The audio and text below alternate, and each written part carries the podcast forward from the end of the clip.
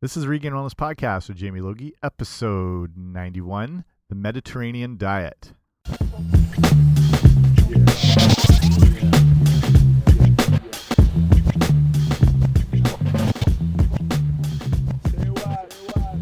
Hey guys, what's happening? Welcome back to the podcast, episode 91. 91, Sergey Fedorov, Steven Stamkos, some classic number 91s. And this one today is going to be all about the Mediterranean diet and what that is and why there's actually, uh, when you hear everyone reference the Mediterranean diet, there's actually some confusion that they inadvertently are passing on here.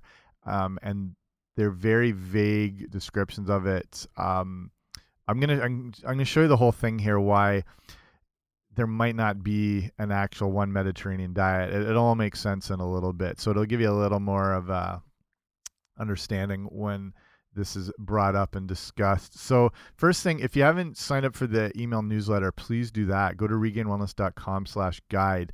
So, with that newsletter, I keep you up to date with everything going on and share information that's only I do through email. And when you do sign up, I give you a free ebook that gets you started called the Healthy Eating Starter Kit. So, it's got um, you know, a bunch of uh, information on things you want to be including in your diet, things you want to be avoiding. It's got some recipes. Yeah, regainwellness.com slash guide. Okay, so let's get right to it with the Mediterranean diet. So there are a lot of different, um, not just diets, but you know, healthy eating approaches. Diet's kind of a tough word. It it gives us um, kind of a connotation of restriction and denial and stuff where um, you want to be looking at your nutrition as something encompassing and, and involved and inclusive um, as long as you know it's the right thing. So yeah that term diet's not not ideal. You want to you know look at it as kind of lifestyle. So whether it's you know vegan um, paleo there it's it's a healthy eating approach. And you know the, these things aren't framed as traditional diets um, you know, so instead of uh, not focusing on restriction, it's not a diet; it's a lifestyle. And the, and the Mediterranean um, diet is is one of those things that is kind of a, a lifestyle, and it's um, an approach, and it's been promoted for years for its health benefits. It can um, it's been linked to decreasing your chances of developing type 2 diabetes, uh, prevents obesity, decreases high blood pressure. It can reduce the risk of developing Parkinson's and Alzheimer's and um, increase your longevity. And, you know, it's linked with a lot of stuff. But, you know, hold the wine and olive oil here for a second. It's, I want to show you why it's, it's really hard to define what the Mediterranean diet is and why even, I'm, I'm not an expert. I think I'm pretty knowledgeable, but when, you know, experts and, and nutritionists and whatever are sprouting off stuff about the Mediterranean diet, there's actually some confusion that they're inadvertently passing on about that that they don't always really address. So I want to break it down here. Um, trying to define the Mediterranean diet, they wrap like they they kind of wrap it up in this little package like it's one thing, but it's actually pretty difficult because when you look at the vastness of the Mediterranean region um, and the variety of the countries it includes, it's it's again it can't be pinpointed to one thing and that's where there you're people being slightly misled with what a mediterranean diet is. I don't know if it's inadvertent or if it's just not taking the time to kind of uh, expose what the real mediterranean region is like. Um, and new you know there's new insights that are coming out. They're pointing out that the health benefits associated with the mediterranean diet might not just be brought on by the food. And I'll show you why that is in a second here.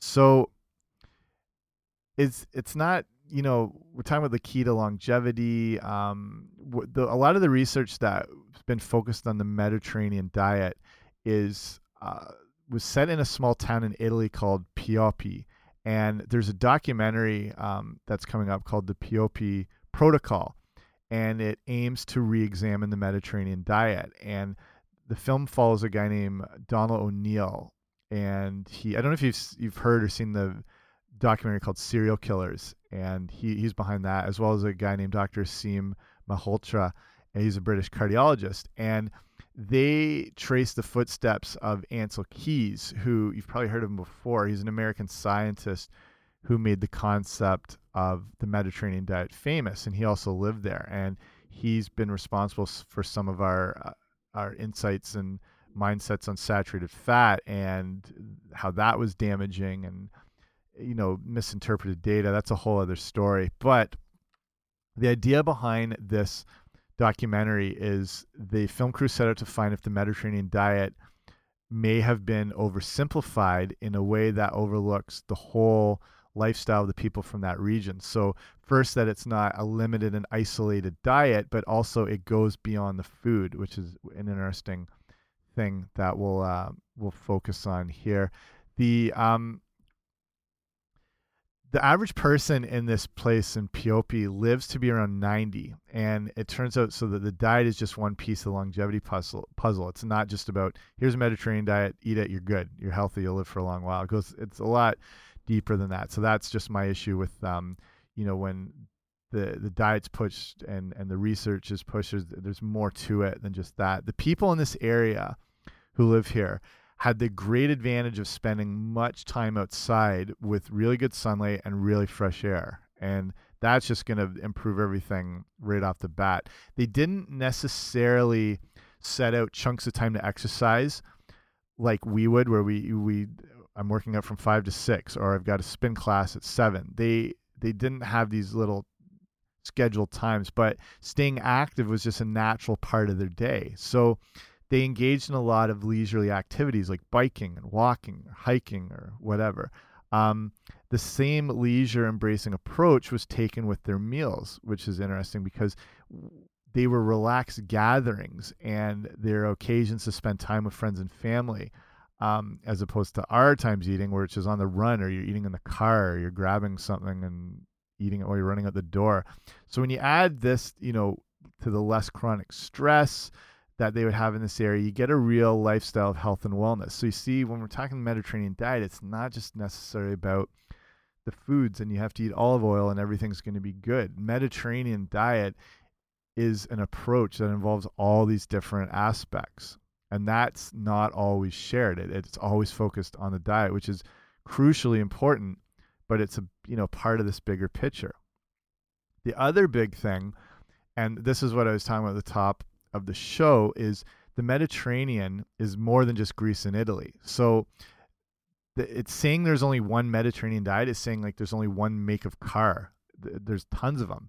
There's around 60. If you live in this area, obviously, no. I, I've I lived in England for a while and I spent a lot of time traveling through Europe and I loved heading into Italy and Spain and Morocco, all those places. Um, you know, there's 60 countries that make up the whole Mediterranean. If you focus on just um, just the coastline, there's that's still 23 countries on the North Shore. Uh, the North Shore of the Mediterranean, you have you know Spain, France, Monaco, Italy, Slovenia, Croatia, um, Bosnia's in there. You know Greece and Turkey. I think Montenegro's in there, and so there's 10 right there. And the diets between these 10 countries are extremely different. So if you look, say, let's look at um, Croatia there. Croatian cuisine contains, you know, and, and obviously this varies depending where it is. And when you start ignoring modern foods and fast foods and stuff like that, when you look at kind of the staples and the, the classic cuisine, the Croatian um, diet would contain a lot of cheese, sausage, ham, seafood, um, meats, and games. Pasta is a big staple. There's a dish, what was that called? Uh, Ministra na pom. Sorry if I'm saying that wrong Croatian, Croatian friends. That's a pasta dish with tomato sauce. You know, pretty simple, but that's been always been a top choice. How about if you go into Bosnia here? A lot of beef and lamb is big. There's some very traditional meat and rice dishes um, called sarma and rastika, and they're popular. And top vegetable choices tend to include things like peppers, cabbage, tomatoes, potatoes are very big in a lot of these countries, cucumbers, carrots. Um, and the Bosnian cuisine also features a lot of cheese and cream. Okay, let's move over to Spain. And you know, that's a country more, a lot quite a lot of people have been to. So the traditional diet if you, you know, want to look at again some of the classics, it's higher in carbohydrates including rice and potatoes, and whether it's paellas or paellas or whatever you want to call them, you know, a heavy emphasis on rice. Um, but then, you know, big emphasis on seafood, of, of course, you know, being right there. Um, there's eggs, cured meats are very big. Pork and cheese, uh, again, show up quite a bit. Uh, my time around Spain, I ate a surprising amount of pork I wasn't expecting to. You know, I wanted to have all the good seafood and whatever, but I found pork was um, one of the big things there. So then, interesting, when you move into Italy, you notice the diet varies huge just between this one country. Um, some regions will serve a cuisine that's more focused on grains. Um, others will boast a more meat centric diet. It's not all pizza and pasta when you get to Italy. You know, it's a lot of you find um, we kind of have this North American Italian kind of creation of what Italian food should look like. Um, you know, heavy pastas and pizzas, and you find a lot of. I've I've been all over Italy. It's probably my favorite country to go to. Um, and you find that the dishes are are are lighter. You know, pasta's not eaten that much everywhere, or if it's in a lighter quantity, pizzas are are, are you know thinner type crust. If it's almost like a flatbread in some places. Um, even say I, I spent a lot of time in northern Italy and I was, uh, you know, you exposed there to say less olive oil, um, pasta in in general, um, tomato sauce. There's more rice. There's polenta. There's butter and lards used. Cheese a lot. There's a lot of um, up there. I ate a lot of alternative proteins like boar. Wild boar was amazing. Quail, rabbit was really big. Um, so like I said, and you know, more in the southern parts of Italy, you'll you'll find more of your pastas and, and tomato sauces and stuff, and more olive oil. But it's interesting. The more north you get, go the less olive oil there was that I found. You know, like I said, it was more like that lard based and and butter. Um, I love the wild boar. I thought that was amazing, and and especially up in um, where was that? I think it was like Tuscany and those regions where a lot of the markets and whatever where they'd you know get that fresh mozzarella that would they, they'd make and you would eat that with other you know cured meats and and stuff um yeah i mean the diet just varies so much between this one country let alone the entire mediterranean so the idea that uh with the Mediterranean diet, it, it's you know like I was talking about with um, it's it's a complete opposite of our society. So you step away from that region, you return to our typical way of life with our poor nutrition, uh, lack of activity, rushed lifestyle, high rates of stress, exposure to pollutants and chemicals and medications and um, you know artificial light all day and it's easy to see why our health has deteriorated so much so when it comes to the food aspect of the mediterranean lifestyle the focus remains on eating real whole foods so that's that's simple. There's an emphasis on good things like olive oil, vegetables, and and less sugar, and that's something that's carried over in all the different regions. You know, even though the Mediterranean countries vary in all their culinary approaches, the main takeaway is the avoidance of the modern processed package, you know, potentially GMO containing products. Um, also, you know, in these regions, whether it's Spain or Morocco or Italy or whatever, eh, when in pure food preparation, you know, there isn't high fructose corn syrup used as a typical ingredient, and MSG or aspartame is not, you know, a staple. You know, food preparation is a slow process, you know, done with love and appreciation for the ingredients. Um, I'd say you know when people are are talking about a Mediterranean diet, it seems to me like they're referring more to Greece, and that's what we think of when we think of Mediterranean diet. You know, the seafood and olive oils and figs and nuts and seeds and vegetables and whatever. So I'm just trying to point out how there isn't one thing, one such thing as a Mediterranean diet. Maybe it's more Greek based when people are kind of looking for a snapshot picture of it. But if you're talking about the Mediterranean, you have to be very specific because, like I've just shown here, how much the diet varies throughout the entire region, how many countries are involved, and how their you know staple ingredients and dishes are completely, completely different.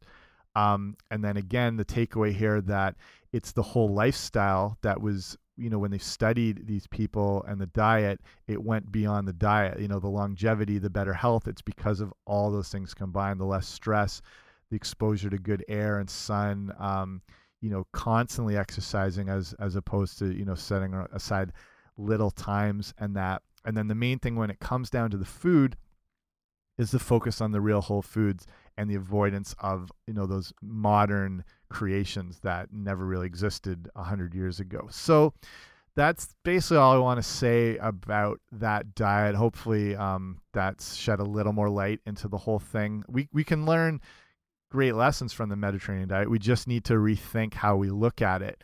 Um, it goes beyond the food, and it's you know includes the whole lifestyle. Um, yeah, so that's just my take on the whole thing. Just want to do a shorter episode today. Um, hopefully, you got a little bit of information from that. Any more questions on foods you want to be including or, or not including, or you know, if there's more that you want to hear in depth of, just feel free to write me at info at regainedwellness.com and be happy to pass on any more information I can, or just say hi. Either way, it's good. Okay.